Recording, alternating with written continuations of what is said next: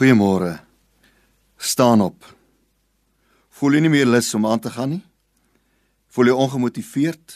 Dalk platgeslaan vandag? Jy wil of jy het gaan lê. Ek dink aan die verlore seun van Lukas 15.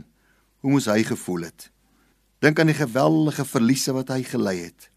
Sy vriende het hom verlaat. Hy wat eens in 'n ryk man se huis geleef het, nou verarm en ellendig met net varke en 'n varkhok as sy enigste geselskap. Totaal gestroop van sy menswees. Hy het niks meer oor nie en hy is ook niks meer nie. Maar op 'n dag sou sy lewe verander. Dis nie iets wat iemand vir hom sou doen nie. Dis iets wat hy self sou doen.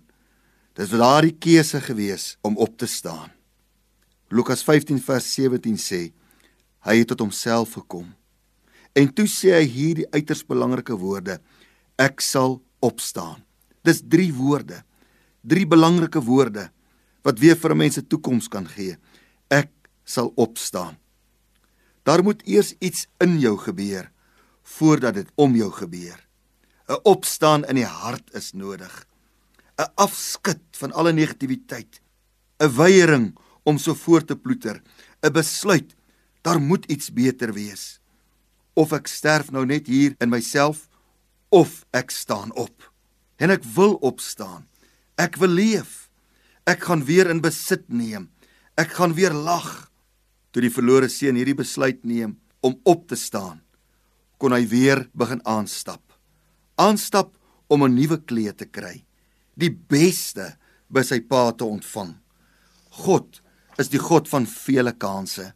Besluit vandag om op te staan en begin by God. Jy is nie net 'n huurling nie, jy's God se kind. Kyk vorentoe. Ja, daar was moontlik afdraaipaaie in jou lewe, maar 'n draai in die pad beteken nie noodwendig dis die einde van die pad nie. Staan op en neem weer in besit. Staan net op vandag. Jy kan. En ek gaan vir jou bid dat die Here jou krag gee daarvoor.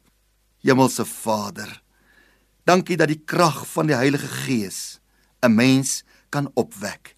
Ek bid vir elkeen vandag wat gevoel het om te gaan lê. Ek bid dat hulle sal oprig, dat hulle op sal staan in die krag van die Here en weer in besit sal neem. In die naam van Jesus Christus bid ek dit. Amen.